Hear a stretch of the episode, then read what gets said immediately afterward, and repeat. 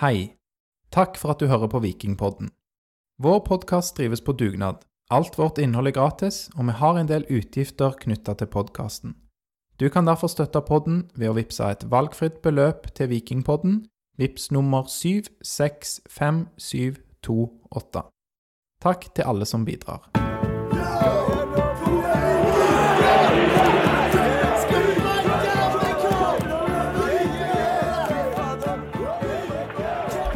Velkommen til episode 146 av Vikingpodden. I dag har Viking tapt 0-3 på hjemmebane for Lillestrøm. Det er 9.10.2022, og de heldige utvalgte som skal få snakke om dette tapet, det er meg, Alexander, og så er det Daniel Ullua, eh, en kjent stemme for de som hører på Vikingpodden. Du er det du sjøl beskriver som allround-journalist i Sandnesposten. Ja, og eh, ja. Og podkaster av og til på fritiden. Ja, iallfall her. Så det er jo hyggelig å bli invitert for fjerde gang. Det er bra. Og vikingsupporter. Ja, det må man kunne si. Det, det er best med, med de som er vikingsupportere i denne podkasten. Eh, så har vi òg med oss eh, gründer, innebandyentusiast og vikingsupporter Knut Husdal.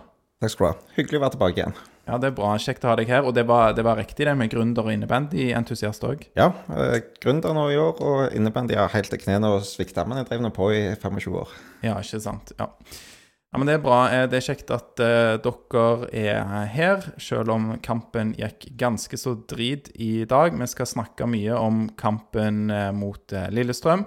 Og så skal vi òg snakke litt, eh, ja, gjøre opp litt status for eh, sesongen så langt. Og det er bare å lytte til slutten, for eh, du, Knut, har bl.a. forberedt en litt sånn skummel sammenligning med 2017-sesongen, som ikke Ja. gikk så bra.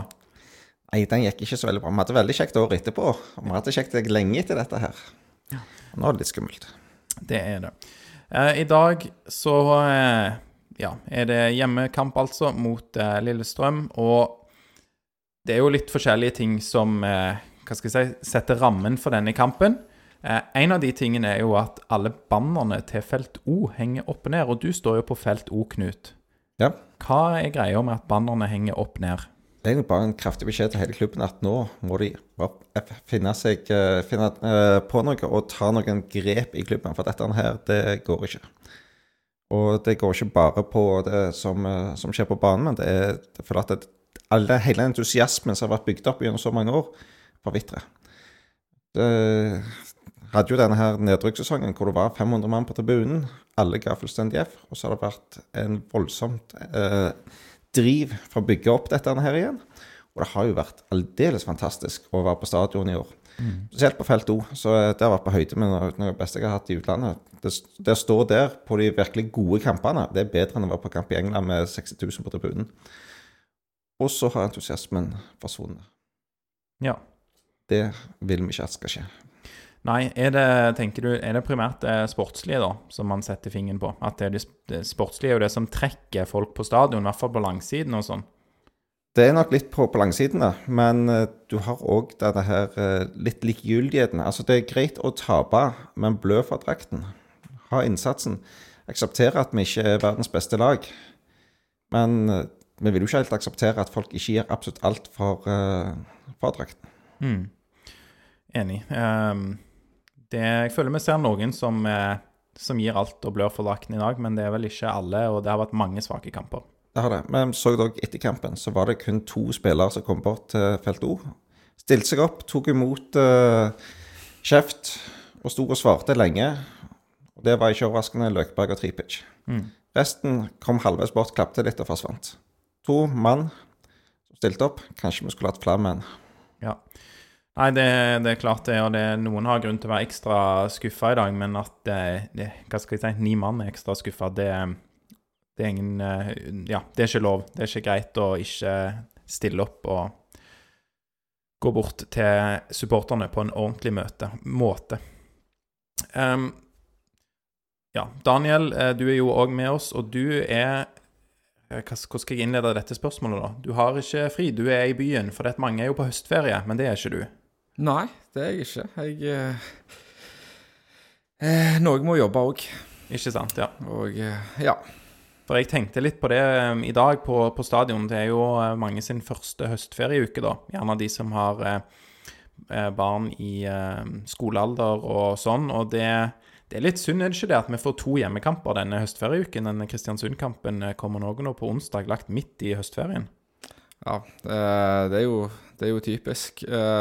Men uh, det var jo veldig imponerende oppmøte i dag, syns jeg, eh, på stadion. Uh, for- Altså med tanke på at ting ikke går så bra, kanskje. Ja, både det og selvfølgelig uh, høstferie. Så tydeligvis at folk kanskje har venta litt med å kjøre opp til hyttene sine. Mm. Jeg lurte litt på det når jeg så antallet Lillestrøm-supportere, for det var god lyd i de. Det, det var bra oppmøte, syns jeg. Ja, så om, om det er litt sånn der med Hva skal jeg si? Jeg tror jo Vi har jo selvfølgelig hjemmebanefordelen uansett i dag, men det at det er mye trøkk i de, og at de er sånn på tampen av sin høstferie For for de som ikke jobber i skolen, det gjør ikke jeg heller, da, men jeg har jo mange kolleger som er, tar høstferie, så jeg har fått med meg dette, så er Østlandet sin høstferie Den har akkurat slutta. Og så har vår akkurat begynt her på Vestlandet. Så jeg bare lurte på om det gjør at det er enda enklere for de å stille med mange, mange folk, da. For jeg merka meg at det var bra trøkk, men heldigvis bra trøkk fra dere i feltet òg, Knut. Så ikke minst så har de flyt. Ja, Da er det ekstra kjekt å dra på bortekamp. det er veldig sant. Så, Lars, Lars tror jeg eh, er på avspasering, ikke på ferie. ja, du, det er sant. Ja, Lars, læreren fra Madla, som er trofast eh, sånn veldig I den grad Ja, den en av de mest trofaste, kan vi vel si, her i podkasten. Eh, han eh, jobber jo som lærer, som eh, kallenavnet tilsier. Og da er det riktig, Daniel, du er bra politisk korrekt på det her, og sier at nå har lærerne avspasering. De har ikke høstferie. Ja, jeg sa det bare nå, men det betyr ikke at jeg er enig. Nei, OK. Nei. Men elevene har i hvert fall høstferie, og lærerne kan, kan avspasere. OK, nok om eh, fjas og rammer rundt kampen. Eh, vi starter jo i dag da i en eh, 3-5-2. Viking går ut i en 3-5-2. Jeg har skrevet 'bra' med to utropstegn og ett spørsmålstegn, fordi jeg kan jo røpe såpass at jeg syns det er bra. Men jeg tror, Daniel, at du syns ikke dette er så bra. Du er ikke glad i Viking i 3-5-2, eller? Nei, fordi at jeg mener at eh, du må ha meget gode wingbacker eh, hvis en 3-5-2-formasjon skal fungere. Den formen som Bjørsolo er i nå, det, det holder ikke. Og Vikstøl, alle vet at han har begrensa med, med ferdigheter, og er best i en flate, flate firer. Um, ja. Tross eh, de var da gode i ett kvarter i dag, og det var helt i starten. Og eh, resten var et eh, ganske sørgelig kapittel. Det er vel noe vi har sett en del av Viking, syns jeg, at de flyr litt ut av startblokkene. Og tidligere så kunne de få litt tellende resultat i form av mål når de fløy ut av startblokkene. Eh, men i det siste så har det jo mangla, da, i den siste tredjedelen. Der har du litt av grunnen til at jeg absolutt ikke liker 3-5-2. De starta bra, men de klarer ikke å gjøre endringer. Hvis du går tilbake i fjor, de bare spilte 4-3-3 uansett. Så når du gjorde endringer rundt det 50-60. minutt, tidlige bytter, så endra kampen karakter. Vi lå unna i en drøss med kamper. Kom tilbake, det var alltid vanvittig guts på slutten, vanvittig innsats på slutten, men det var alltid samme formasjon, samme system som ble spilt. Kanskje vi du flytta noen lenger opp, og så videre, men du gikk ikke ut og rota med, med systemene. Og jeg er redd disse, dette rotet har skapt mer problemer enn eh, de gjerne kanskje vil innrømme. Ikke det at det nødvendigvis er gale med formasjonen, men det at eh, samspillet forsvinner fordi du veksler. Mm. Ja, det er jo ikke bare eh, hva skal jeg si, 3-5-2 og 4-3-3 som har vært prøvd ut heller. Det er jo forskjellige varianter inni de der der. Så jeg syns Viking har sett grusomme ut i 4-3-3. Dessverre. Det er vel eh, dere enige òg at de har mista 4-3-3 litt, og at det er derfor det er nødvendig for den defensive tryggheten å ha 3-5-2. Men ja, det vi skal jo snakke om denne kampen, og alle vet hvordan det endte, så det var ikke nok defensiv trygghet i dag. Og man har jo ja, produserer jo veldig lite offensivt, for lite i hvert fall. Em, er dere fornøyd med å se de som, som starter, da? Altså på, på benken så er det jo um, Janni er spart opp pga. noe muskulært, og ellers så, så tror jeg at em, i tillegg til Janni så er det kun Stensnes av de som er på benken som ikke er fit for fight. Da. Greit med nye mann Diop inn, f.eks. Ja, altså, han hadde, et, uh, hadde en grei kamp han mot, uh, mot Ålesund. Uh, så glipper han i markeringen på en av uh, skåringene, men det er lett å være etterpåklok. Jeg, jeg syns det er greit nå på slutten av sesongen Viking holder seg, og da er det greit å få, få spilt han inn. Men bare litt til det du nevnte, at det har endra litt på formasjonen. Det er ikke bare det som har blitt endra i det siste. Det er en haug med, med spillerbytter òg. Noen som sånn som Kabran spilte hele tida før. Nå er han på benken, så det virker litt sånn eh, panikktendenser nå, syns jeg, blant eh, trenerne. At eh, du vet ikke helt, eh, helt hva, hva, lag de stiller med. Ja. Kabran var vel en av de som var spilte alt når Viking var gode i vår, stemmer ikke det? Han har vel spilt alt siden han kom til klubben. Ja, og han er i hvert fall veldig jevn. Det er jo mange som syns at hans nivå kanskje er for lavt, men du vet i hvert fall hva du får. Mm. Så er det noen du, Knut, skulle sett av de som var på, på benken? Eh, F.eks. på eh, Bjørsol har jo spilt noen dårlige kamper og hadde vel et, en nok en dårlig kamp i dag. Eh, Herman Haugen. Haugen skulle jeg gjerne ha sett inn. For uh, må innrømme at uh, Bjørsol han, ikke, han, er ikke tilbake der han var i, i 2019-sesongen ennå. Jeg skulle gjerne ha sett uh, Nilsen Tangen i form. Ikke den versjonen vi har sett i år, men den versjonen vi, vi så i fjor. Den vil jeg gjerne ha tilbake igjen. Mm. Uh, ellers så lå jeg på Karlsbakk. Nå starta vi med Svendsen, som sikkert er greit, men da sto vi og uh, spilte rundt, så bytta vi Karls, uh, inn Karlsbakk og begynte plutselig å spille i bakrom. Det ikke har vært bedre spilt i bakrom med Vesle Svendsen og heller brukt Karlsbakk når du skal duellere. Mm. Så en liten sånn uh, Hva skal jeg si en, Det blir litt feil, og det burde vært motsatt på de to, det du sier, måten man spiller fotballen på. Ja, altså Svendsen han må jo få bakrom og spille. Ja, han er ikke noen hodespiller, liksom. Nei, og så er han, En ting er han liten, og så han er heller ikke noen oppspillspunkt. Nei. Ja, men det er kanskje greit. Jeg syns jo òg at uh, dessverre Haugen ikke har vært så god når han har uh, spilt, så Men, men Bjørsol, ja, har vært uh, svak. Men OK, vi hopper inn i, i kampen. Innledningsvis så var vi allerede, har nevnt at Viking kommer jo greit i gang, gang i de første 10-15 minuttene. Jeg har notert meg her at det er litt vind på banen. Det blåste jo greit i dag, sjøl til vår region å vær. Um, Lillestrøm kanskje mest med ball, men så spiser vi oss inn i det og, og kommer nærmere og nærmere de 16 meter. Og det ser jo ganske greit ut, gjør det ikke det? Starten. Jo, eh, det gjør det. Eh, og skaper litt sånn halvsjanser eh, det første kvarteret. Og så er vi tilbake til gamle syndere, og etter 19 minutter så kommer det en sånn unødvendig scoring på et innkast som uh, Gjermund Aasen, som er sånn der uh, Går litt sånn utfor banen, og så stusser han, ingen gidder å han, og så litt sånn tilfeldigheter gjør at uh, Knutsen bare får avslutta ja, uhindra. Jeg vil si det var ikke noe tilfeldigheter i hele tatt. Han stusser inn og kommer til en LSK-spiller, står omtrent på vårt straffemerke.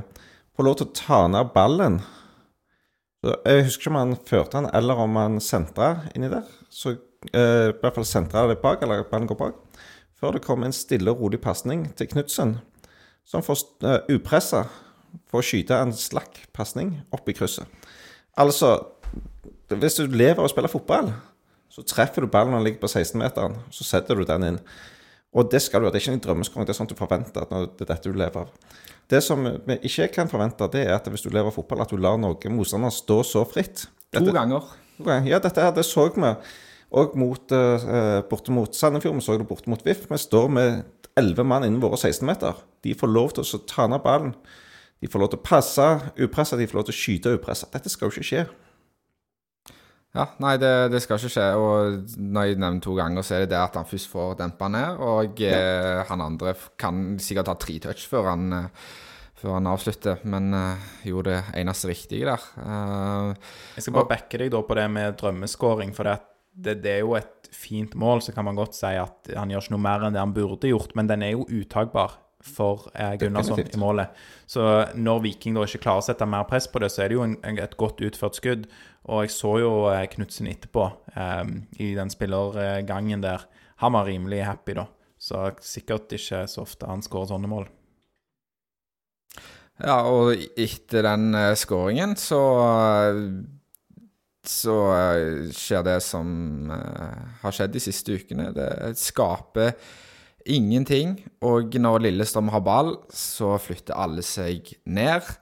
Og da blir det plutselig 60 meter opp til Lillestrøm-målet. Eh, og Vi er veldig dårlige der, ja, etter Lillestrøm har skåret. Eller kanskje det er etter disse rødt kort-situasjonene, kanskje i flertall. For at, eh, dere husker kanskje taklingen der på eh, skuttet. Ågbu på skuttet. Ja.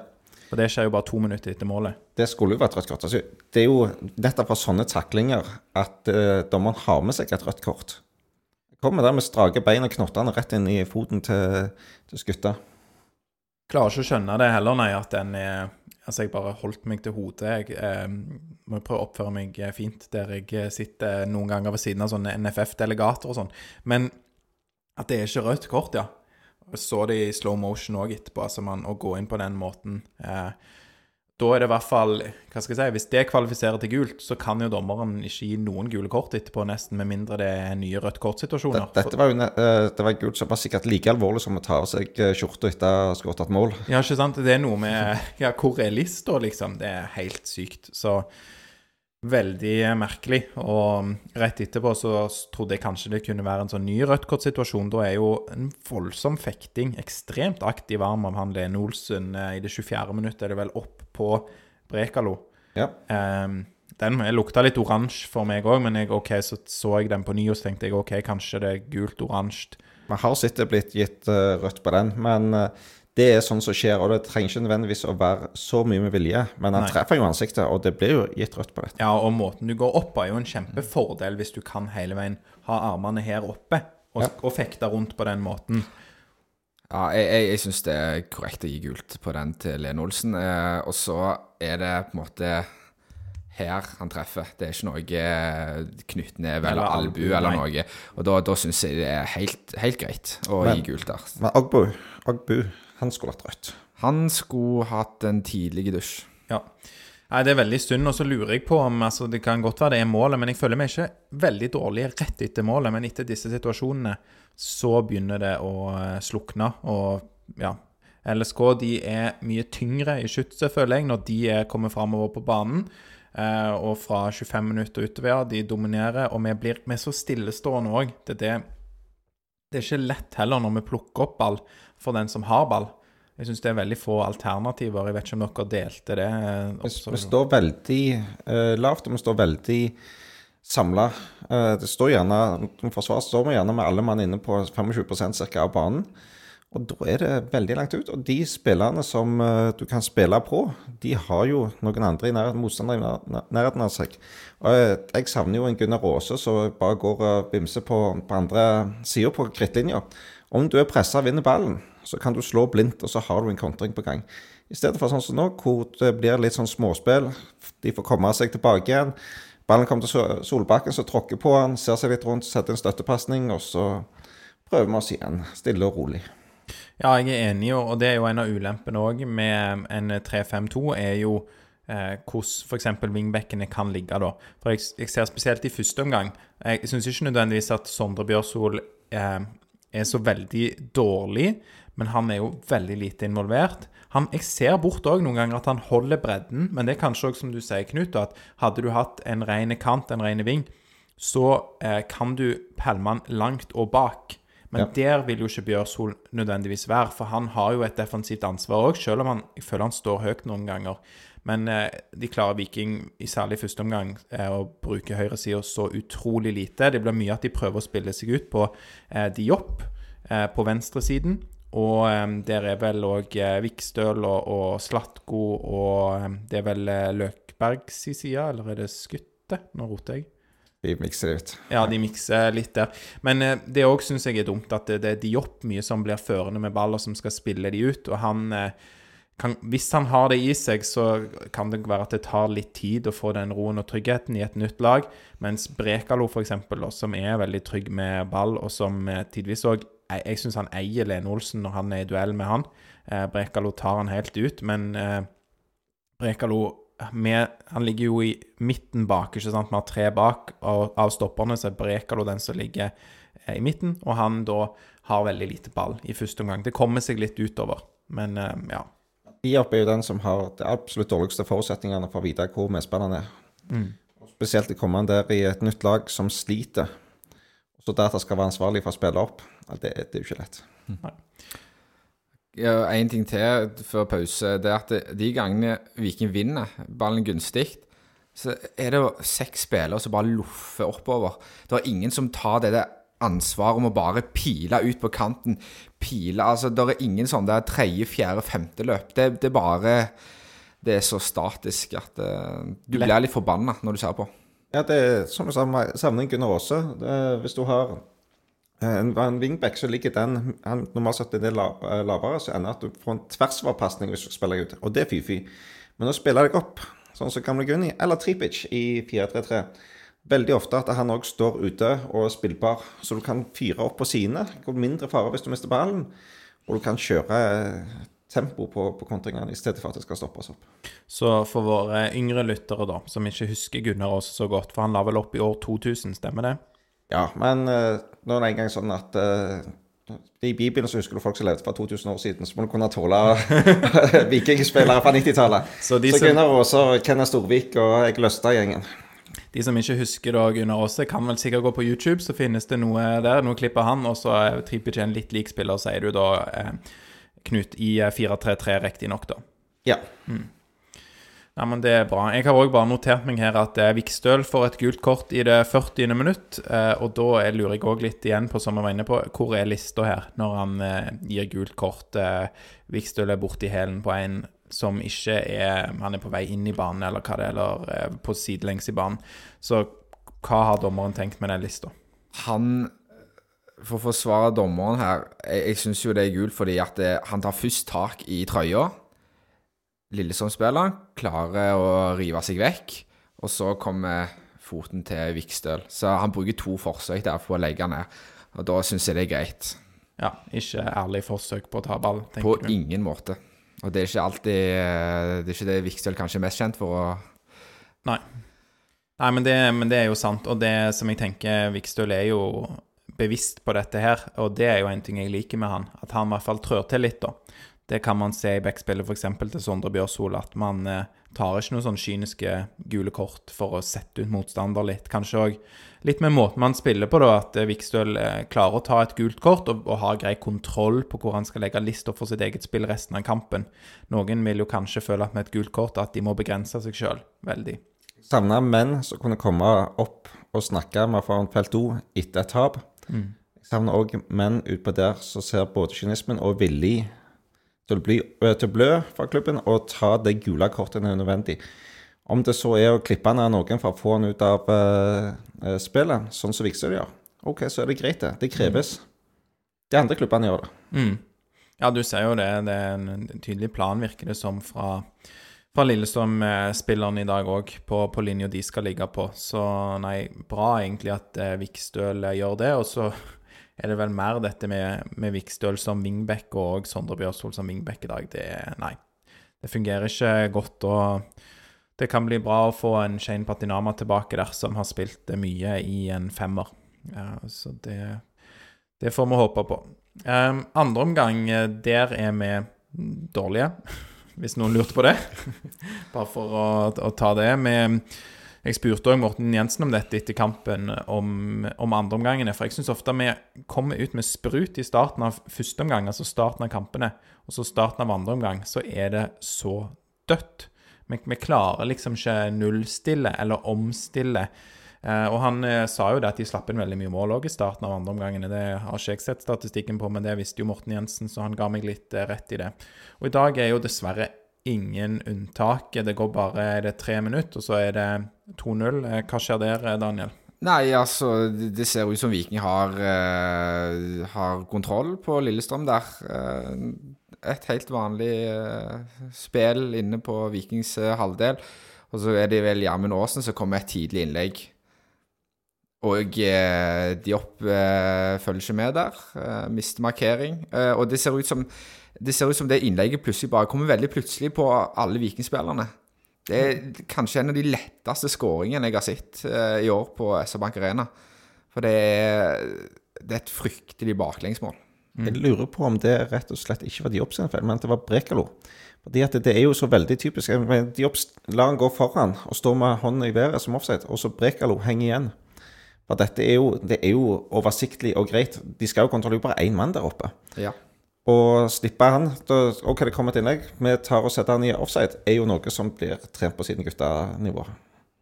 Så det kan godt være kommunikasjonssvikt òg. Ja, jeg- De har jo ikke jobbet mye sammen, disse her. Nei. Jeg har jo ikke merka meg det som du peker på her, Knut. Jeg tenkte òg litt sånn de opp eh, som Men at, når ballen først kommer der han kommer, så syns jeg han er vanskelig for de opp. Men det som jeg reagerer på her òg, er jo at Gjermund Aasen får så veldig god tid, og han har masse plass. For det som har skjedd her, er jo at hele Vikinglaget er trukket langt over på sin venstre side. Sånn at når ballen da spilles på tvers, der som Gjermund Aasen står, så er hele Vikinglaget langt fra der ballen kommer til Gjermund Aasen. For han som slår den assisteren, assisten, nok en gang står han upressa. Ja, ja det mm, står helt upressa. Og nå måtte jeg dobbeltsjekke det, da, hvem som har høyre- og venstresiden på indreløperplassen. Det er jo eh, Skuttes i sida, da. Eh, så jeg, det er vel han som kommer ilende til der og får satt inn et slags eh, press. Men altfor god tid for eh, Gjermund Aasen. Og det er ikke sånn at eh, Lillestrøm hva skal jeg si, kontrer på vår side at vi er i ubalanse på dette tidspunktet, eller noe sånt. Det er bare Det virker så rart. Det må være en feil at han Det, skal stå ja, og det tar flere sekunder før ballen eh, går fra én side til andre side. Altså, Viking flytter ikke beina. Eh, Sideforskyvningen går utrolig seint, og da kan jo Men uansett om eh, Gjermund Aasen er upressa når han får lagt inn det innlegget, så skal det være mulig å unngå baklengs. Ja, absolutt. Han slår jo innlegget fra ganske Hva skal jeg si Ganske langt ned i banen, Ja. sånn at han må jo Han curler det fint, og vi vet jo at han har en god fot, så gjør du de to tingene riktig og setter han under litt press, og forsvarer egen boks på en bedre måte, så ja. Det, det er jo to ting du lett kan eh, gjøre for å unngå det målet. Nok et unødvendig mål. Og etter pause så er det ikke som det var en stemme som hadde blitt heva i den eh, garderoben.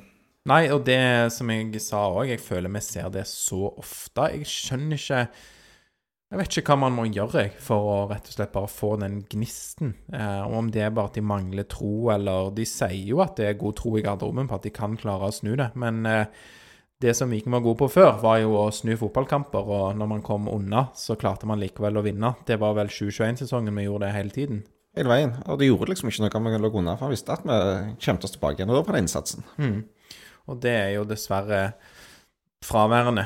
Det er noen spillere som gjør god innsats i dag. Jeg, jeg synes liksom Løkberg løper til siste slutt og prøver å presse keeper og, og sånn, men um, nei. Det, er, um, innledningsvis òg er det et godt kollektivt press, og det dør helt hen uh, utover i kampen.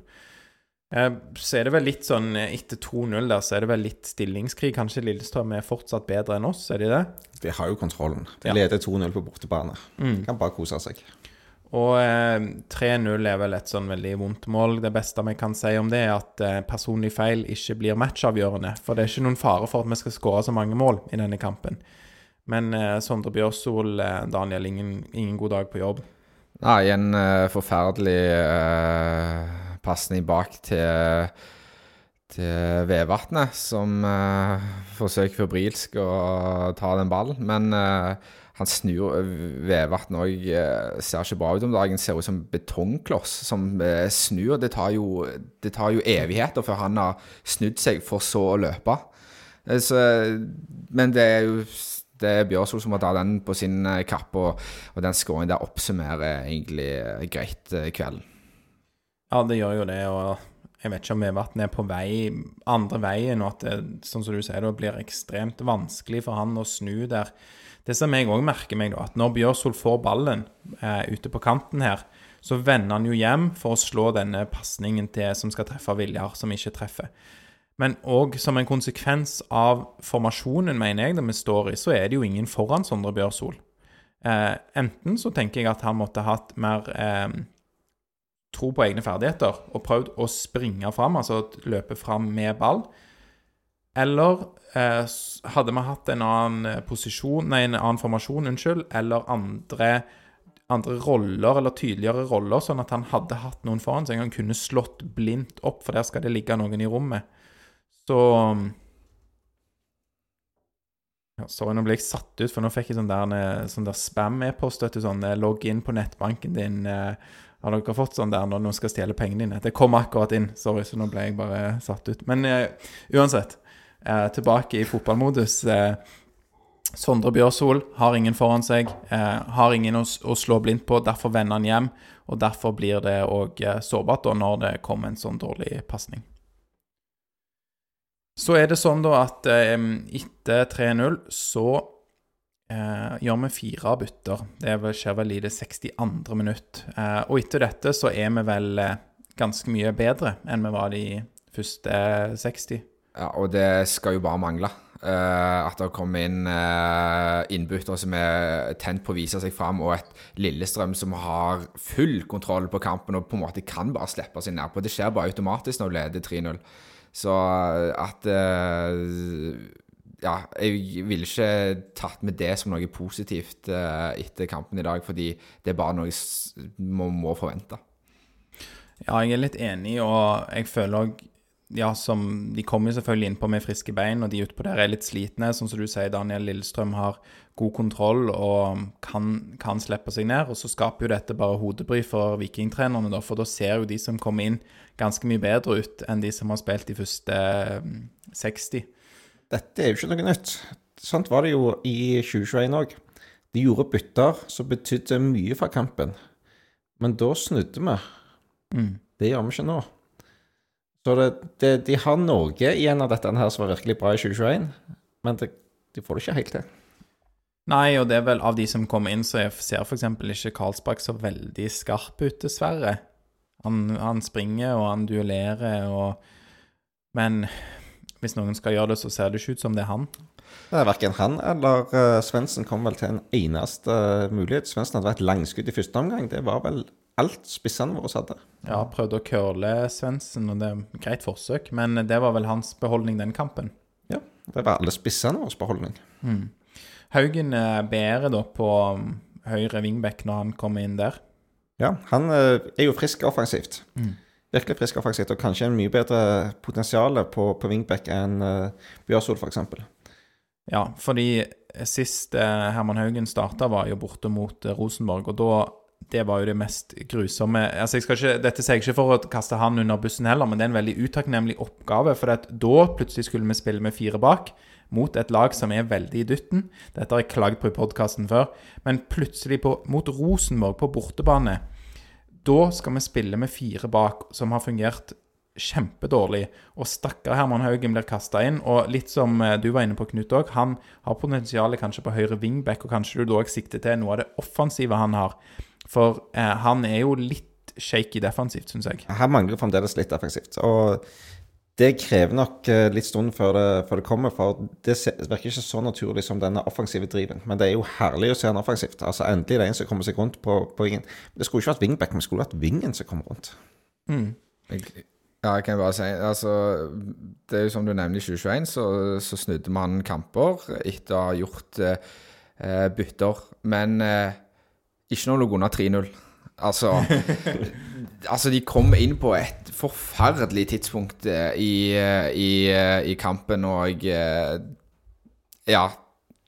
De kom, de kom inn etter 3-0-skåringen, og da er det vanskelig å utrette noe særlig.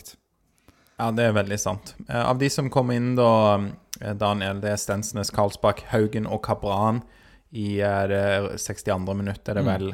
Um, hvem Ja, syns du det er noe å hente der fra de andre, når vi er innom Haugen og Karlsbakk? Ja, jeg, jeg, jeg er jo litt svak for Kabran. Eh, Jeg synes eh, når eh, når han virkelig får det til å svinge, så syns jeg han er en veldig god fotballspiller. Jeg syns han viser litt igjen når han, eh, når han kom innpå. Eh, En mann jeg håper starter igjen snart. Eh, Ellers så ja, Herman Haugen det han kan. Karlsbakk uh, syns jeg ser ut som han har gjort etter han eh, kom, egentlig. Det, det er ikke så mye sluttprodukt. eh, og Gianni òg veldig vanskelig å markere seg som midtstopper når du kommer inn på 3-0. Jeg tror du møter en som faktisk støtter Cabran. der, for Poengmessig så er du ikke i nærheten av det vi kan forvente av en offensiv spiller på et lag eh, som bør være på øvre halvdel i Eliteserien. For å backe Daniel litt der, da, så ser det i hvert fall ut som han er jo en robust spiller. Og det òg mangler vi kanskje litt i dag mot et fysisk eh, Lillestrøm-lag. Og han markerer seg jo med å få et eh, tidlig gult kort. Jeg tror i hvert fall det er ganske Nei, det er kanskje litt ute i kampen han får det uansett. Eh, I det 81. minuttet, er det, ja. Der han eh, blir dytta, og så dytter Kevin tilbake, så er det kun Kevin som får eh, gult kort. For dommeren lar seg lure. Jeg skjønner ikke at det går an. Det Kevin blir dytta, og så dytter han tilbake, og så hiver Lillestrøm-spilleren seg. Det er så dumt. eh. Men i hvert fall at han kommer utpå der og viser at det betyr noe, da. Og han, han er, har en viss eh, fysikk med seg og er et godt oppspillspunkt, syns jeg. Eh, så gjør han det av og til litt vanskelig. Bruker litt lang tid, litt mange touch og sånne ting, men. Jeg, jeg er for så vidt uh, enig med Knut at uh, Karban er ikke nødvendigvis en spiller du ville hatt på en måte altså brukt på et topplag. eh, men jeg syns ikke det er andre alternativer enn Carbon. Da må du bruke det du har. Jeg, jeg syns ikke det er noen som, eh, som kunne gjort eh, en bedre jobb. Nei, og det er jo litt Vi var jo inne på dette med hvem var det som spilte på, på våren nå. Og det å ha litt kontinuitet. De som i hvert fall har eh, spilt noen kamper som du vet hva du får av, istedenfor at man både svinger veldig på både system og hvem som spiller. Og nå må vi jo passe oss for å ikke gå i den fella som jeg håper at Morten Jensen og Beate Lund Aasheim heller ikke går i. Som er nettopp det at å ja, de som kommer inn, de gjorde det ganske bra. Ja, Kabran ser litt bra ut. Ja, kanskje han skal starte neste kamp. Og da må de vel gjøre det, men de må prøve å spille inn en elver òg. fordi at nå er det ikke mange kamper igjen av sesongen. Eh, Det er ikke heller sånn at vi skal sjonglere tre turneringer. Det er én cupkamp igjen, og så er det bare Eliteserien. Så her er det Ja, man må, må gi tillit til noen, tror jeg, og så må de få sette en elver. eh, Og, og ja, spille de, være med å spille de nysigneringene gode, så gode som er mulig. I fjor så satte vi jo inn juniorer i den posisjonen. Heinås og Larsen og en del andre. De var, hadde jo mange kamper. Uh, Hadde ikke mange kamper Heinåsen Larsen i fjor. Han, Han hadde vel et par han startet vel borte mot uh, Tromsø, men hadde en del inne. Men det var en del andre juniorer òg som var inne på, som fikk sjansen. ja. Um, nå hadde jeg savna Han var jo ikke på benken engang, men sånn som Austbø burde kanskje fått uh, mulighet til å spille litt ut. ja, for det skulle jeg spørre godeste Morten Jensen om, men så glemte jeg det, hvorfor han ikke var på benken i dag. Jeg vet ikke om noen av dere vet det. Nei. Mange som er ivrige til å se han få flere minutter og kanskje en eh, start. Ja, Sesongen her er jo ødelagt, så vi kan like så godt spille en uh, best mulig lag til neste år, og spille en elver. da. For det er fem kamper igjen nå, og det er spillere her som spiller om framtida si. Så det er nok av motivasjon. Og jeg eh, nesten går så langt å si at det ikke er kun spillere som eh, spiller for framtida nå. For det, er, det begynner å virke som det lyker litt òg eh, nå med disse trenerne. Eh, jeg var jo skeptisk når de ansatte to hovedtrenere. For det er veldig lett sikkert å samarbeide med en annen når ting går veldig bra. Men når ting eh, ikke går fullt så bra lenger, så tipper jeg at det er, kanskje det er to litt forskjellige meninger om hvordan man skal få skuta på rett, eh, rett kjøl igjen. Ja, jeg kan jo ikke tenke meg at det er full enighet nå, nei, om altså så mye som de endrer på. De kan jo mulig være helt enige om alt. Og så må man eh, Jeg tror jo at de er gode på å framstå enige utad. Jeg tror ikke man klarer å lure de til å si noe der den ene går imot den andre sånn i offentlighet. Eh, Det virker Og så er det kanskje en tredjemann òg som òg har et ord med i laget. Eh, Pungen på vektskålen. Ja. eh, ja en av assistenttrenerne. Ja. og- ja. Nesselquist. Så ja. Så det, jeg tipper det er litt delte meninger om hvordan, eh, hvordan, eh, hva valg man skal ta. Ja, det kan eh, veldig godt, godt være. Hva, hva tenker du om trenerne? Sitter de trygt, Knut? Jeg vet ikke, Hvis vi tar en liten oppsummering av sesongen og hopper et, Ja. et steg her, så kan vi si at siden 16. mai så har det bare vært sorgen. Vi har spilt 17 elendige kamper. Kan si 15 av de spilte vi òg i eh, 2017. HamKam var jo ikke oppe da. Den gangen så fikk vi jo ni poeng på disse kampene. I år har vi ti poeng. Det er jo ikke så veldig mange trenere som sitter etter en sånn prestasjon, dessverre. Uh, I tillegg så hadde Ian Burchnell hadde et elendig lag å jobbe med. Altså ta en det, det som ble henta inn til Ian Burchnell, det var ikke rare greiene. Uh, mens de siste årene så har vi jo henta en spillere på, landslagsnivå som Stensnes, Brekkalo, Diop, uh, Skutta. Så Sammenlignet med hvem de har hatt å jobbe med, så tror jeg ganske sikker på styret mener at de har utstyrt dagens lag ganske mye bedre enn det var tidligere. Hvis vi tar hjemmekampen mot eh, Lillestrøm i 2017, spilte 2-2, så stilte vi et lag om mål Austbø. Bak Kronberg, Simen Greger, Rasmus Martinsen, Kristoffer uh, Haugen. Midten Usman Sale, André Danielsen, Julian Ryerson, Torstenbø. Og fremme Adik Benro og Høyland. Ja, Haugen hadde sikkert forsvart en plass på dagens lag, sammen med Ryerson og Adik Benro. Er det andre dere ville hatt med på dagens lag? En litt yngre Høyland kunne jo òg fått eh, spilt. Det er mulig. Kanskje ja. fire. Så det betyr at eh, syv eller åtte av dagens spillere ville tatt plassen tilbake i 2017. Og vi, vi tar ikke noe mer poeng mot de samme lagene enn vi gjorde i 2017. Og da må årsaken være på et annet nivå enn på spillerkvaliteten. Så du sier rett og slett det, altså bare for å oppsummere litt, da. Vi har de 15 siste kampene. Så har vi i årets sesong tatt 10 poeng. Nei, 9. Nei, vi har tatt 9. Ni 9 poeng. Og mot de samme motstanderne i 2017 så tok vi 9. Så det var ett poeng i forskjell. Så ja. det var Vi har spilt 17 kamper. HamKam var ikke da i 2017. da. Nei, riktig. Så, så, litt av poenget ditt er òg at som spiller for spiller så er materialet bedre. Du nevner at vi har landslagsspillere nå eh, på tilsvarende tidspunkt i 2017 som for sikkert de fleste er kjent, så rykka vi ned det året. Men det kan jo være det er noen det unge lyttere som ikke husker dette i hvert fall så godt. Pep Guardiola hadde ikke fått eh, klart å holde det laget der i, eh, i Eliteserien. Det var, det var elendig tilbake i 2017. Ja, Det spillermaterialet der eh, Det var grusomt å høre når du ramser opp eh, det laget der, faktisk. Jeg fikk, jeg fikk frysninger. Ja, nei, så du, du, er jo inne på noe at de må helst få litt mer ut av det, da. Og mm, klart vi kan jo peke litt på at de har balansert det veldig dårlig med disse Europa, drømmen om Europa. Der var det eh, dårlig Hva skal jeg si? Det er en forspilt mulighet, og det var, var ganske nære. Men eh, det er jo prestasjonen i Eliteserien i denne perioden som har vært så utrolig begredelig. Eh, å klare å balansere og ha bruke spillerne riktig vi har nevnt dette med systemer, ikke veksle for mye. Og, og, nå tenker jeg de siste kampene her blir veldig avgjørende. For hvis du klarer da å ha Stensnes og Brekal er jo fortsatt Eliteseriens to beste midtstoppere. Eh, og du har eh, Nathan Skutte, som er Han er finsk A-landslagsspiller. Han har vel drøss med U-kamper. Ja, U-kamper, ok. ja. Og spiller du, har du spilt i uh, toppserien i Frankrike, så er du ikke så langt unna det finske landslaget heller. Nei, det tror jeg ikke. Og han, du ser jo bare på spillerne at han er jo god. Og han er jo en av de som er god fra det 60. minutt og utover, når det kommer andre folk inn da som er gode for Viking i dag. Riktignok med friske bein. Han blomstrer når de andre kommer inn med friske bein. Så nei, det er klart vi har noen veldig gode spillere. Vi har òg en veldig habil keeper. Noen har pekt på at han har sluppet inn for mange mål i år, men det er ikke der problemet ligger. Der lå i Forsvaret. Uh, nå skal jeg ikke skrike på blod, for øvrig. Uh, det er det for mange som har gjort, og det er ikke nødvendigvis det riktige. Altså, ta Brann sparka jo Kjetil Knutsen, eller hva heter Roald Brun Hansen sparka Kjetil Knutsen fra Brann.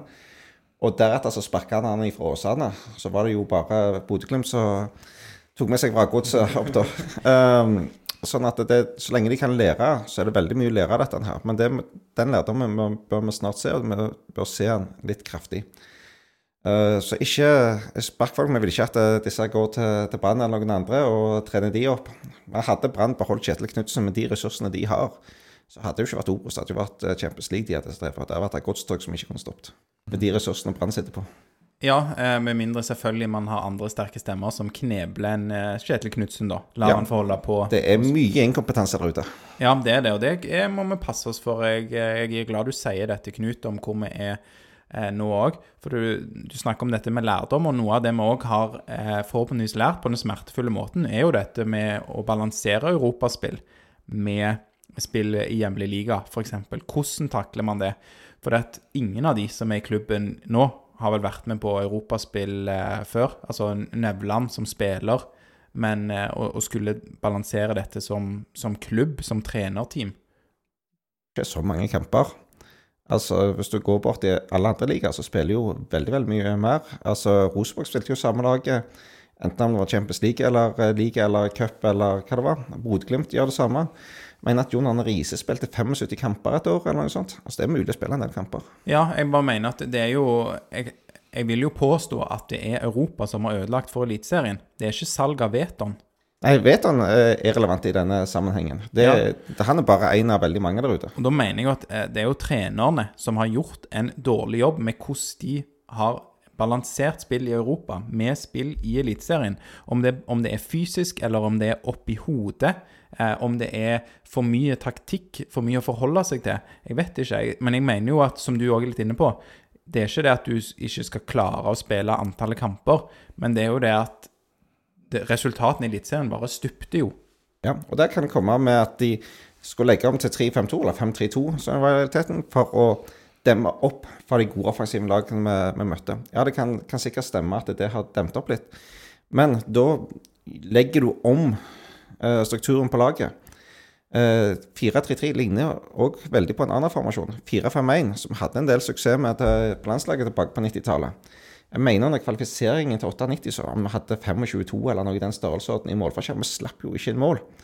Og det å gå over til 4-5-1 fungerer jo det òg. Og det gjorde Rosenborg tilbake i den tida de var gode. Jeg Spilte borte. De hadde fremdeles samme formasjon, men de trekker lenger bak. Landslaget var fantastisk på det i den tida. Og det- det er veldig mye nærmere 4-3-3. Kan være uenig at 4-3-3 er riktig formasjon, men disse formasjonene ligner veldig på hverandre. For det, jeg, det må jeg bare si jeg er helt enig med deg i. For det at når trenerne sier til meg sånn Ja, nei, men formasjoner er bare tall. Det er hvordan man løser jobben. Ja, formasjoner er nok bare tall. F.eks. hvis du veksler mellom 4-3-3 og 4-5-1. For da har du kantene som har en tydelig defensiv rolle, skal trekke lenger ned. Ja. De har fortsatt samme posisjon. Det blir ikke en forskyvning av alle lagkameratene. Stemmer det, og du har gjerne den andre spillere med mer defensiv pibri. De står på stort sett på samme plassen. Tre på midtbanen, ja, de er komprimert mer, men det er fremdeles de samme folkene du har rundt deg. Nei, jeg, jeg er enig. Eh, mitt poeng skulle bare være også at jeg håper ikke nå at eh, sant, Du sier du, du skriker ikke etter blod. Nei. For det gjør ikke jeg heller. For jeg orker ikke at hvis vi skal tilbake i Europa om 5 eller 10 eller 15 år eh, Håper ikke det blir 15 år, men, men i hvert fall Du er jo med i cupen ennå. ja, er så kan, nå. ja, sant, så da kan vi få Europa. Ja, kan jo skje. Så hvis når neste gang det skjer, så orker ikke jeg at ja, noen har ropt på blod, og vi har ingen eh, kontinuitet. At de som var med på denne fadesen nå, de må få være der faktisk neste gang òg. Eh, og ikke i kraft av at de nødvendigvis gjorde de alle de rette beslutningene nå, men i kraft av at de har erfaringen. De vet hva, som ikke skal gjøres, i hvert fall. Lærer de, så dette er fantastisk positivt. Om det blir eh, skjøvet under teppet og det kommer med unnskyldninger, så vet jeg ikke hvor mye lenger det, dette bærer. Mm. Men om det, ta, det tas til seg som at det her har vi gjort store feil, så kan dette være sinnssykt nyttig. Em, en annen ting eh, du eh, var litt inne på, eh, Knut, eller ønska gjerne å prate litt om, det var jo dette med kollektive Viking versus enkeltspillere. Og hva som har skjedd med vikingspillere som har gått ut, eh, sammenlignet med f.eks. spillere fra Bodø-Glimt som har gått ut de siste årene. Hvis folk her tror det er vanskelig Jeg studerte i Trondheim på siste halvdel av 90-tallet. Det var aldeles grusomt. Så fikk du se Rosborg i deres prime, da. Og alle som sitter fotball en stund, uh, går du tilbake en 20-25 år siden, så vet alle Alle her kan si hvor de forskjellige spillerne eh, spiller. Alle vet at Jan Derek Sørensen spilte høyre ving. Alle vet at Roar Strand spilte høyre indreløper. Skamsrud spilte sentral midtbanespiller. Dette her kan ramse opp fra 25 kamper som Rosenborg spilte for 25 år siden. Kan dere si hva formasjon og hva spiller som spilte fra Viking for 25 dager siden? Kanskje, men det er fordi jeg er litt ekstra interessert. Det, det er nesten, Da er du borti at du nesten må være autist for å kunne vite hva formasjon og hva spiller som spiller for Viking. Og den vinglingen, endring i formasjon og mønstre, det gjør tror jeg, noe med hodet på folk og gjør samspillet ikke fungerer. Og det kommer ikke til at disse her eh, andre lagene har så veldig mye bedre spillere enn oss. Eh, til du går til f.eks.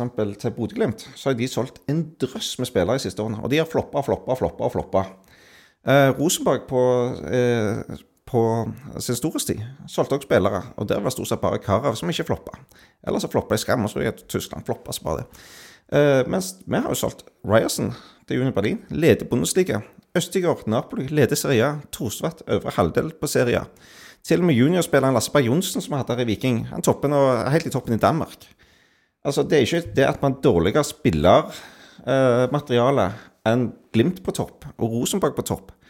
Men de blir ikke spilt gode. Og du ser når de kommer ut og får prøvd seg mot andre De spillerne som har vært i Viking, har gjort det fantastisk godt og er i toppklubber som leder seriene. Mens de som kommer ifra de gode norske lagene, Rosenborg og Glimt, de flopper. Så du sier her at det er ja, mye er pga. kollektivene, eller i hvert fall tilsynelatende, da, i de gode norske lagene som Rosenborg og Glimt.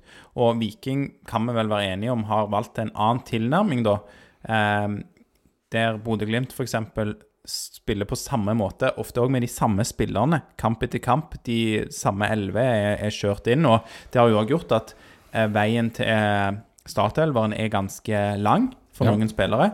Det har jo òg den hyggelige effekten at eh, eh når da noen spillere blir solgt, så er det tydelig hvem som skal gå inn, og de har gjerne vært der en stund. De har vært veldig flinke på å kjøpe fantastisk flinke må jeg si, på å kjøpe spillere og typer som passer akkurat i den posisjonen de skal spille. Mm. Så de går inn, og så ser det ut som de aldri har gjort noe annet enn å spille der. Ja. Eh, mens vi driver på og vingler om vi skal kjøpe spillere til 3-5-2 eller 4-3-3, og nye spillere blir kjøpt inn uten at de nødvendigvis passer den rollen som vi spiller, for det ser av og til litt rart ut. Mm. Okay. Så når spillerne ikke er noe dårligere, når du tester dem på andre arenaer enn i Norge, mens de ser ut som verdens beste spillere når de spiller for Osborg i Prime eller på Bodø-Glimt, så må det jo være noe med hvordan spillet sitter, hvordan det samspillet er, og hvordan mønstrene, kjente mønstre med kjente spillere rundt seg, hvordan det fungerer. Uh, ja, og du er inne på det der eh, med system, uh, og sånn som Bodø-Glimt eh, solgte jo eh, han der Bjørkan, f.eks. Uh, mm. Fredrik Bjørkan Bekken. Bekken. Ja. Uh, erstatter med Wembangomo, som eh, har egentlig litt av de samme ferdighetene. Raske og eh, liker å by på seg sjøl. de selger Boniface, og erstatter han med Lars Jørgen Salvesen, som òg litt sånn stor, kraftig Så de, de vet de erstatter det med de samme type spillerne, og det, det har jeg ikke inntrykk av at det skjer i Viking hver gang. Det blir den som var tilgjengelig nå. Yes. Mm. Og, og, det har jo Nevland og flere sagt litt om òg, at eh, det er litt sånn tilfeldigheter på overgangsmarkedet. Um, fordi at ja, noen ganger så er ikke de tre, fire, fem øverste man ønsker å få inn, er tilgjengelige. Men det som man i hvert fall kan planlegge for, er jo noe som jeg har etterlyst òg er når tar man denne risikoen? Når signerer man vetoen sin erstatter? ikke sant? Hvorfor, hvorfor, kan man ikke ta en litt større risiko der og se at ja, vetoen ønsker å gå ut? Mest sannsynlig må han bli solgt i sommer. Da handler vi hans erstatter ett vindu før, eller i alle fall så starter vi prosessen eh, mange måneder før, eh, før eh, august, augustvinduet man augustvinduet, der Veton faktisk blir solgt. For nå er det jo Hvis man gjør det tidlig, så, så er det òg en billigere pris å betale, mest sannsynlig. Fordi at du skal hente inn en spiss nummer to. Du skal hente inn han som eh, kanskje skal spille sammen med Veton, eh, ikke han som skal erstatte Veton, for da går jo prisene opp òg. Definitivt.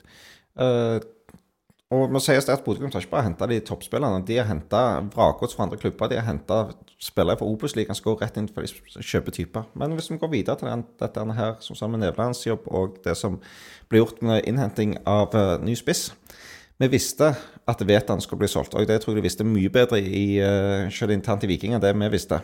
Han skulle bli solgt. Eh, han var skåret vel 46 mål på 65 kamper. Han skåret ett mål første tida, så han skåret 45 på 55 eller der omkring. Dette er jo sinnssyk statistikk. Altså, det er jo nesten Braut-statistikk. Det er bedre enn Braut gjorde i, eh, i, Norge.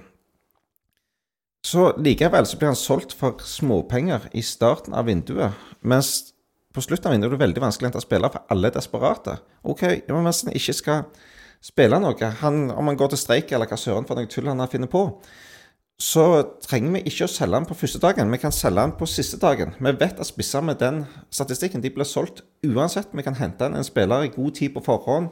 Eh, det kan være backup, tanken trenger som backup-spiss, i hvert fall når du er ute i markedet. Du har ikke penger fra Veton å handle for. Du står i en bedre posisjon.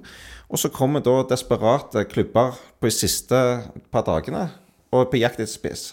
Alle er på jakt etter spiss, inkludert Viking. Hadde vi henta en spiss tidligere, solgt han på siste dagen, at vi både sannsynligvis kunne hente under bedre betingelser, og ikke minst så er jeg helt overbevist om at vi har fått mye mye mer for Veton. Mm. Nei, det, jeg tror det var en del ting som var uheldig og uflaks i dette vinduet, men jeg tror òg at det er mye som du er inne på, Knut, som er på skal jeg si, dårlig taktikk. Eh, Det, det viktigste for klubben det er jo eh, sportslig suksess, for at de virkelig skal både på økonomisk og få tilskuere og sånt. Det nest viktigste det er jo spillerlogistikken. De trener hver dag på å gjøre det bra sportslig. Trener de hver dag på, sport, uh, på spillogistikk. Kjører de eh, forskjellige scenarioer. Kjører de wargames hvor de forsøker å trene seg opp til å bli gode på uh, forhandlinger osv. Så, videre. så Brøndby har kjøpt tre spillere av oss. Jeg er ikke sikker på at de har gjort det pga. at vi har de absolutt beste spillerne, men de sannsynligvis de får høy value for money. Og i sånne forhandlinger, måten å få value for money er at du finner en svak forhandlingsmotpart. Sånn at du vinner forhandlingen kan få disse, denne kvaliteten til mye rimeligere penger enn det du får andre plasser. Mm. Det tror jeg dessverre er veldig riktig. Det er, ja, det er jo en grunn for at alle supporterne er leier seg når de ser eh, hvem som utgjør Brønnby-benken, Eh, fordi at det, ja, det er der vikingspillerne havner. Det handler litt om timing òg eh, på overgangsvinduet. Kanskje en mandag så er spillerne tilgjengelige, eh, og dagen etterpå så er han utilgjengelig. uh, for da må de ha han plutselig. Så det handler litt om timing òg, selv om det Som han, du er inne på, at det Ja, du, du kan gjøre dine forberedelser i forkant og finne sånn svake punkt eh, ja, i forhandlinger og sånt, men ja, det er litt timing òg, altså. Ja, jeg kommer til å gjenta til det kjedsommelige, i hvert fall, at det er mye lurere å hente inn Hei, du er en spiss nummer to.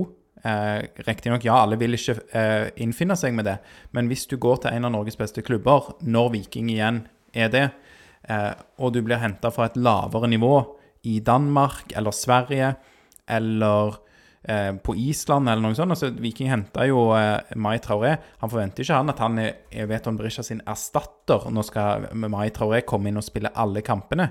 Eh, henter du de spillerne som skjønner at ja, jeg, jeg er god, jeg er ung, eh, så kan du hente de eh, før du selger stjernespissen din. Og da må du ta den risikoen, og du må gjøre det ett vindu før. Jeg, det er ja, Vi Men hadde. Hadde en uh, spiller som Kasper Tengstedt uh, aksepterte, det, f.eks.? Jeg, jeg tror uh, jeg, jeg kjenner ikke den eh, storyen eh, veldig godt, men han kommer jo fra nivå to i Danmark. Han, hadde du kjøpt han inn i starten av sesongen, så hadde dette vært et steg opp for han. Det var fordi at han hadde en så fantastisk god forsesong i toppserien der, som gjorde at han eh, ble verdsatt. Hadde, du- hadde vi handla en tidligere, ingen problem. Og uansett, når han har en god eh, forsesong, så er det jo på nivå to. Ja. Ja, hvis, det, hvis du sier til han, ja, men hei, eh, kom til Viking, vi kommer til å selge vår stjernespiss, vår landslagsspiss, enten dette vinduet eller neste. Da tror jeg at spillere som kommer fra nivå to, selv om de er stjerneskudd der og bøtter inn mål, de tenker OK, det er greit, det er god læring for meg, eh, og så er det jeg som er nest i køen. Ja. Du har et par andre de, de sa spiller kanskje si nei til Veton, og, og uh, Sebastian Sebulon har sagt ja, da, han drømte han ville starte. og når det kom til um, Joe Bell, ja, han var klart beskjed at han ville ut. Så gir det seg hele veien, og dette går på, på styrkeforholdet mellom de som sitter og forhandler. Mens andre klubber, sånn som Breidablikk, kunne si nei når Viking kommer og ber om å få kjøpe Isak Torvarsson, som nå går til Rosenborg, som de prøvde på. Og fikk nei, aksepterte det. Og ikke bare det, men Skeid sa òg nei til Viking på Jakob Napoleon Romsås. Hvorfor har disse klubbene, Skeid og Breidablikk, nok ryggrad til å si nei til større klubber sånn som Viking, som kommer og kjøper dem? Ganske sikker på at fra Romsås så steg opp og gå til Eliteserien sammen fra Tovarsson. Og disse hadde nok akseptert Viking om vi hadde vært der tidligere, om vi hadde stilt bedre i forhandlingene, vært mer på. Eh, eller kanskje dette er klubber som viser definitivt hva Viking mangler av forhandlingsstyrke. Det at vi sier ja til alle spillere som vil ut, men Skeid og Breidablikk kan si nei til oss. Ja, det er veldig interessante tanker. Håper at eh, Ja, vi snakker mye om dette om læring, da. Det ble jo repetert til det kjedsommelige, men man er jo nødt til å bli litt bedre på det. Og um, kanskje må man hente inn noen annen, noe annen kompetanse, da. Sier ikke at noen skal gå, men det er jo lov til å lære av de som har eh, stått i dette før, og ja. Absolutt. Og kanskje det bør trenes like mye på dette som det trenes på det sportslige. Mm. Du nevner eh, War Games. Det er sånn eh, trene på scenarioer, er det det? Ja, Du bygger forskjellige scenarioer, hvordan gjør vi disse, og så spiller du ut, og så trener du deg opp på dette her. Mm. Nei, veldig interessant. Jeg har bare lyst til å ta et par momenter som er egentlig litt relaterte, i hvert fall det første her. Det er bare et som handler litt om dette med Europa igjen, For jeg hører stadig mange som sier dette, at ja, Viking har solgt seg eh, eh, ut av eh, Europa og, og sånne ting med å selge Veton. Uh, og det selvfølgelig, folk kan få lov til å mene det hvis de vil, men jeg vil oppfordre alle som hører på denne episoden, hvis man går rundt og sier sånne ting, at ja, nei, hadde vi hatt Veton, så ville vi vært i europagruppespillet. Tenk dere godt om. Fordi hvis man står foran de kampene, tre eh, kvalifiseringskamper eh, for å komme inn i gruppespillet i Conference League Selv om vi hadde hatt Veton, så er oddsen for å komme inn i eh, gruppespillet i Conference League veldig dårlig for et lag som Viking. Vi er underdogs mot eh, Sparta Bra, er underdogs mot eh, Stoja Bucuresti. Og sjøl, ja, hadde kampene gått akkurat som de gjorde, og vi hadde hatt Veton der i tillegg, så OK, klart vi hadde hatt en eh, bedre sjanse, men sånn fungerer ikke fotball. Selv om vi hadde hatt Veton tilgjengelig, så hadde vi mest sannsynlig ikke vært i noe europagruppespill.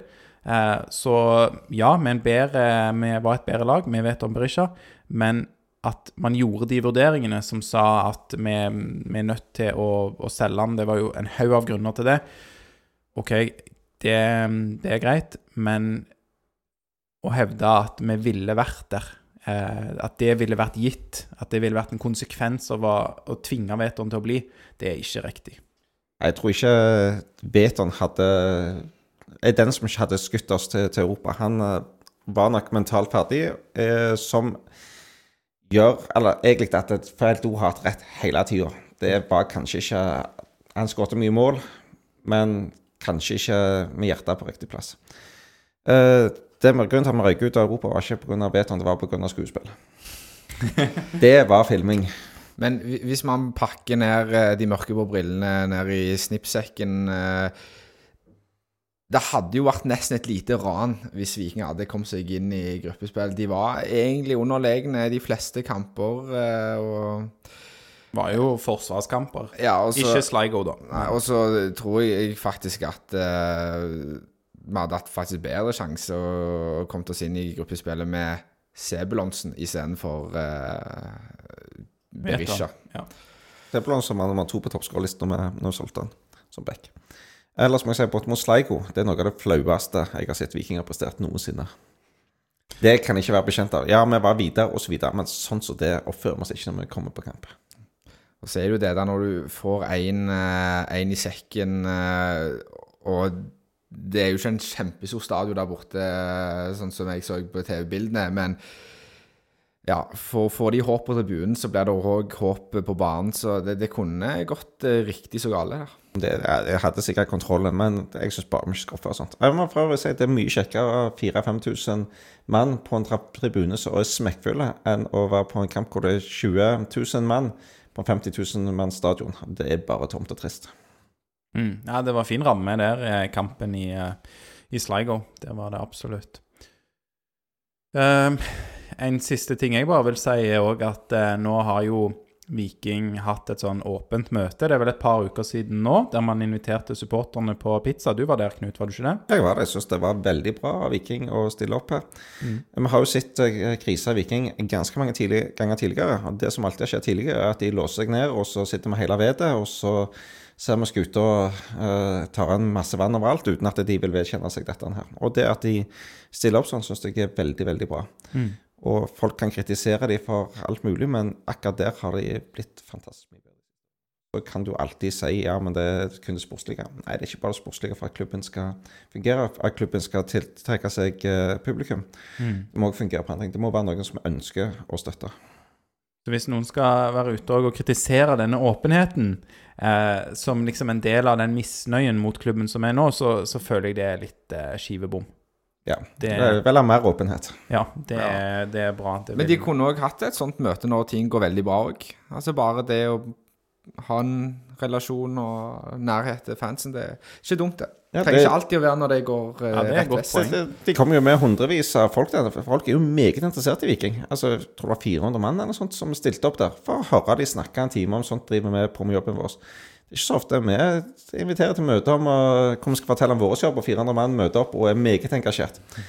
Så det, det er en takknemlig eh, jobb eh, som de må nyte når de kan. Og deriblant med sånne ting at det, det engasjerer.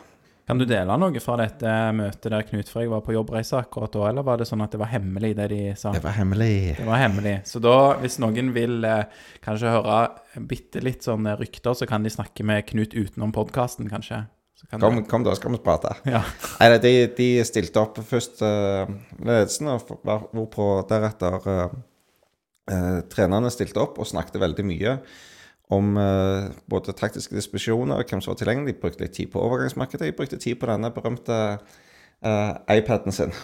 Ja. Som de forklarte veldig bra, men som jeg kanskje ikke er overbevist om fremdeles. Det er ikke så sikker på at vi skal bruke sånn Hans Niemann-taktikk og forsøke å tyne ut eh, det minste med, med å bruke eh, informasjon fra, fra iPaden.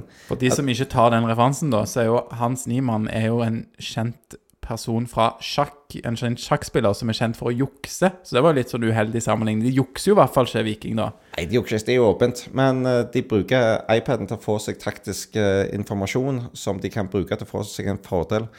Eh, jeg er ikke så sikker på at det strategiske og taktiske nivået på norsk fotball er så skyhøyt at det derne sjakkspill eh, det- Referansen egentlig er så, så relevant. Jeg føler egentlig vi mangler vel så mye på innsats, og det er gratis. Og der betyr det ikke mye hvor, du, hvor mye du betaler spillerne. Innsats og entusiasme er gratis.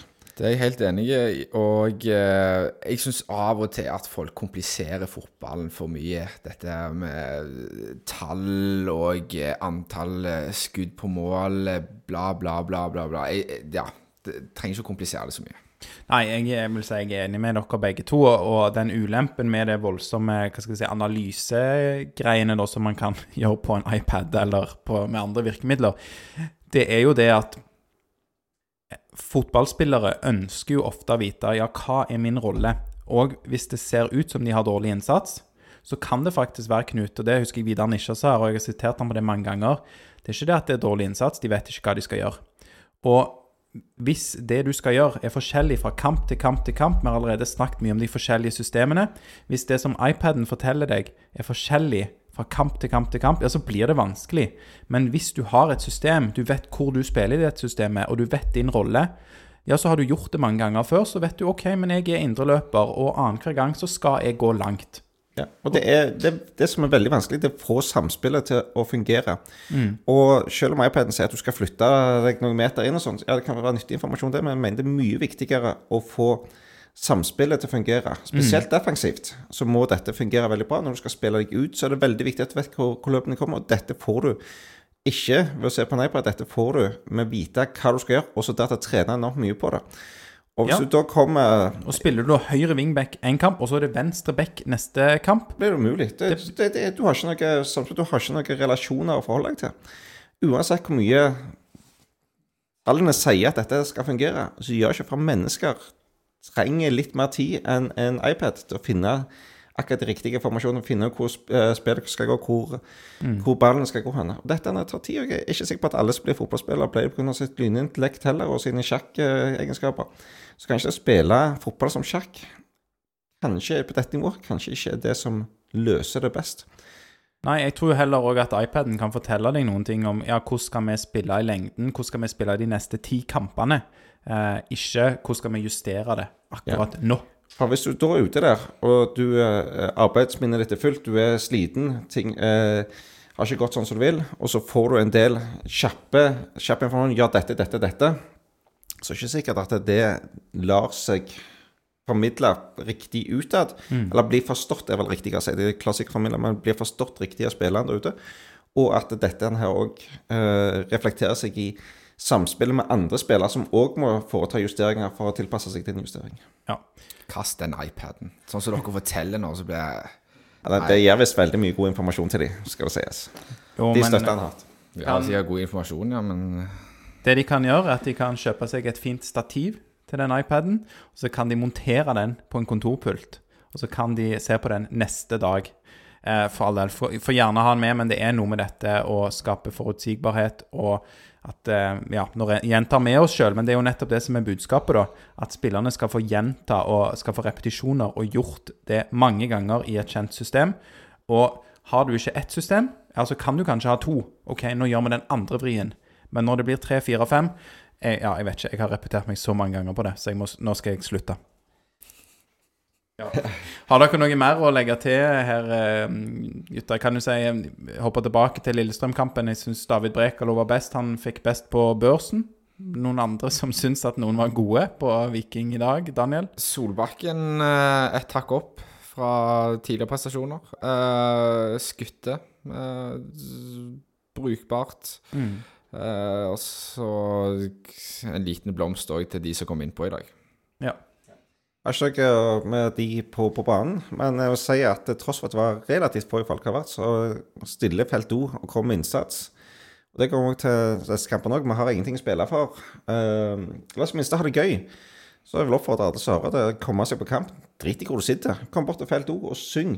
Selv om vi kanskje elendige, så la oss ha det gøy sammen. Altså Det å oppleve fotball med stemning er noe annet enn å sitte der eh, med litt sånn klapp-klapp og alt går galt, og, og naboen sitter og snakker skit om, om laget.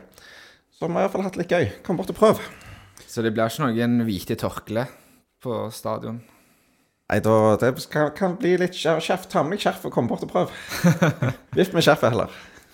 Det er bra. Jeg kan jo også si I dag var det veldig mye roping og god stemning. Mange som rett og slett heider på Viking òg på langsida. Det er enda bedre enn de som sitter og har, tror de har hele vedet. For det er det bare vi som har, ikke sant? Det var, én ja. ting som jeg syns var ganske morsomt. eh, For jeg så jo på den eurosporten da etterpå, etter kampen, når spillerne var på vei bort, så så, så zoomer de sånn litt sånn halvveis inn på han Åkerlund. Og der eh, et eller annet så sier han noe på F der, som var ganske morsomt. Så jeg anbefaler alle til å gå inn og sjekke to minutter etter kampslutt. Så. To minutter etter kampslutt, ja. Hvis Ja. du har ab abonnement på Ja. Discovery Plus, så Ja, kan du da, se da Roar løy å se eh, Åkerlund snakke engelsk. Du håper det ikke, men du bare Ja, du ser at Du, han det har han lov til. Altså, dette bryr oss. Og det at uh, dette her bryr uh, Roar sånn inni sjela, at det kommer masse rare ord etterpå, etterpå all del. Det skal det være. Hvis det ikke så er det noe feil. Og kan også, jeg, har- det var ikke alt jeg sa der uh, inne heller, som jeg har sagt til ungene mine. Ja, jeg, jeg syns det er bra, for uh, i dag så fortjente ikke spillerne den der klappen der fra det, det må være lov til å si litt ifra av og til. Ja, jeg er helt enig, og jeg var litt skuffa etter kamp. Det var to spillere som kom bort og tillot oss å si våre meninger. Eh, det var ikke alle folk behandlet behandler de skikkelig. Eh, men det er litt skuffende at bare to stykker tar og stiller opp med rak rygg etter et, en så elendig kamp.